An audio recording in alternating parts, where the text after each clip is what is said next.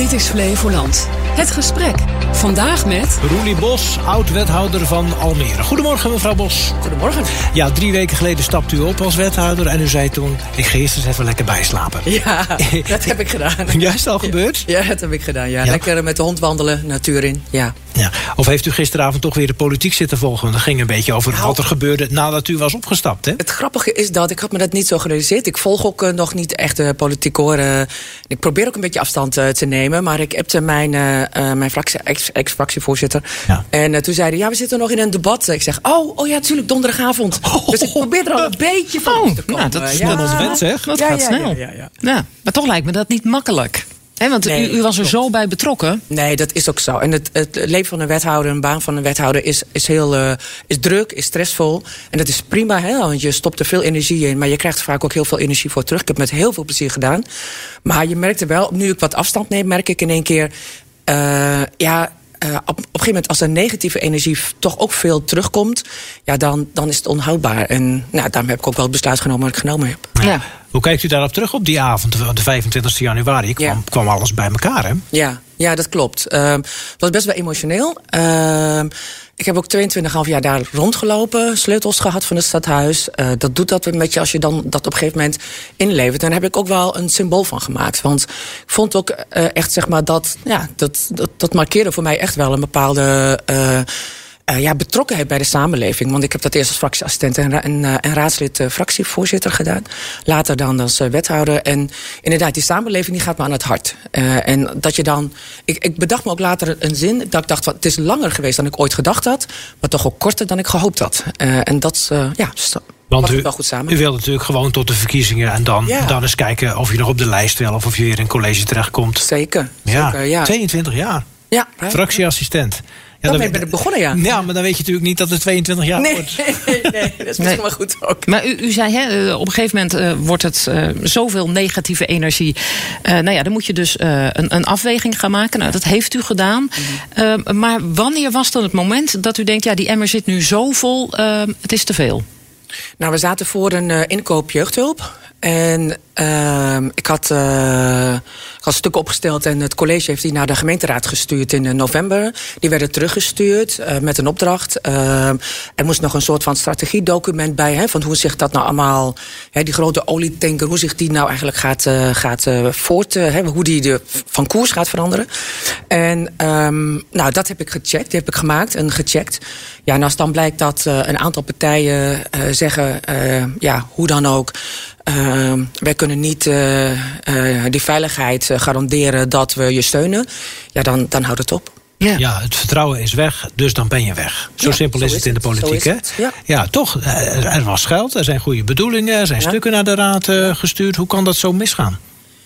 Ja, ik denk dat er is natuurlijk best wel veel uh, ongeduld, zeg maar, om die grote tanker op een andere kant te krijgen. Uh, en dat snap ik ook, hè, want de kosten lopen op.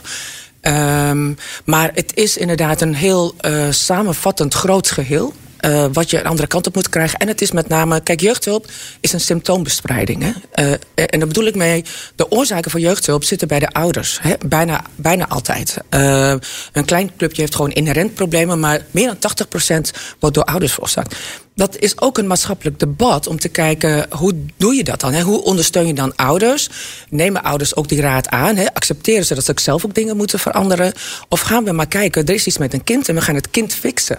En als je dat gaat doen, ja, dan blijf je steeds bezig met symptoombestrijding. Ja, u zegt we moeten eigenlijk het hele gezin fixen. Absoluut, nee. Dat, Ja. Je moet uh, naar de gezinsaanpak. Ja. Uh, dat stond ook in de stukken. Hè? We zouden met gezinsteams gaan werken. Dus ja, ik, ik hoop dat het voortgezet wordt, maar. Um, het is ook niet uniek, hè, want alle gemeenten zijn hiermee bezig. Zeker. Maar uh, ik ga me er niet meer mee bemoeien. Het is niet meer in mijn handen. Nee, precies. Maar wat ik me wel afvraag, uh, moet je misschien uh, als, als gemeenschap en als gemeente mm-hmm. niet iets vaker zeggen van. Um, ja, het, het, uh, een kind mag ook even niet goed in zijn vel zitten. Daar moet ook ruimte voor zijn. Zitten we er niet te veel bovenop met, oh, met hulp? Nou, daar ben ik helemaal met u eens, inderdaad. Vandaar dat ik net ook het woord uh, noemde maatschappelijk debat. Want nou, ik heb zelf voor mijzelf uh, als maatschappelijk thema uh, gekozen in deze periode om kinderen te laten bloeien in plaats van te laten groeien. Groeien is echt zo'n normatief uh, woord. Hè? Van het moet altijd meer, moet altijd hoger. Het zijn meetlatten. Terwijl bloeien heeft veel meer een kwalitatief karakter. Hè? De ene is zo, de ene kan dit goed, de ander kan dat goed. En ja, daar is toch veel minder aandacht voor, denk ik, in deze samenleving waar we nu leven. Ja, u, u, zegt net van, uh, ik heb al een beetje afstand kunnen nemen.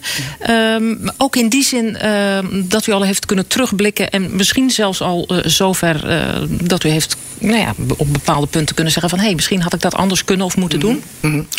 Ja, wat ik zelf denk ik wel anders had kunnen doen, is uh, eerder uh, zeg maar checken. Uh, wat de, de richting van het beleid is. en dat zat, ik zat er helemaal in. Hè, met de ambtenaren, ook alle partners in de stad bewisten waar we naartoe wilden. Daar was veel steun voor. Maar uiteindelijk uh, praat je dan toch te weinig eigenlijk met de gemeenteraad over dit soort grote vraagstukken. En dan gaat het eigenlijk altijd over wanneer er dan een stuk naar de gemeenteraad komt.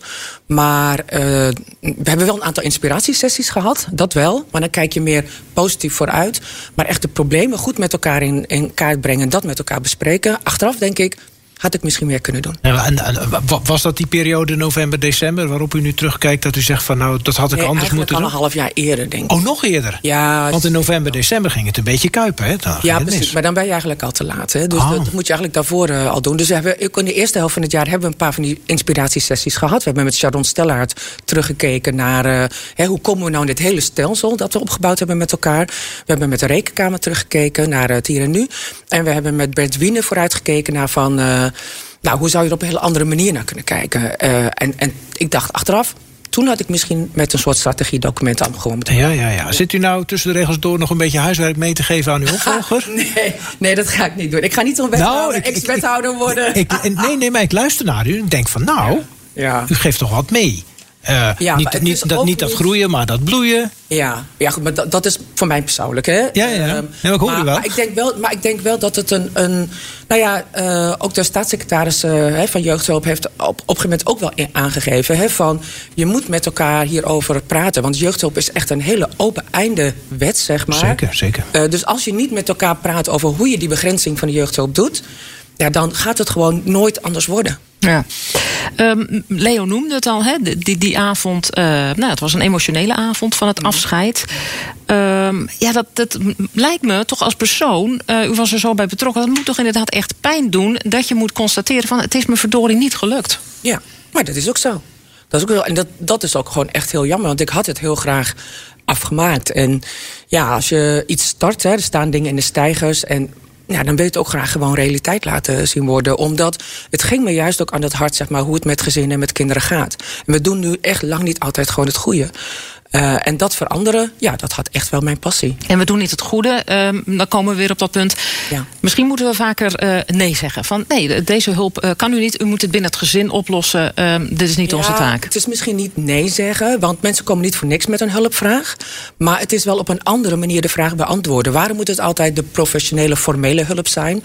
Als misschien ook dichter bij het kind, jeugd, een jongerenwerker of een pedagogisch coach op, op school. Dat zijn ook mogelijkheden. Uh, en jongeren bij elkaar zetten helpt ook heel erg goed, uh, heb ik gemerkt. Uh, ik heb ook gesprekken met jongeren gevoerd, ook in aanloop naar de inkoop. En uh, ja, die geven dan ook hele goede tips mee. Oké, okay.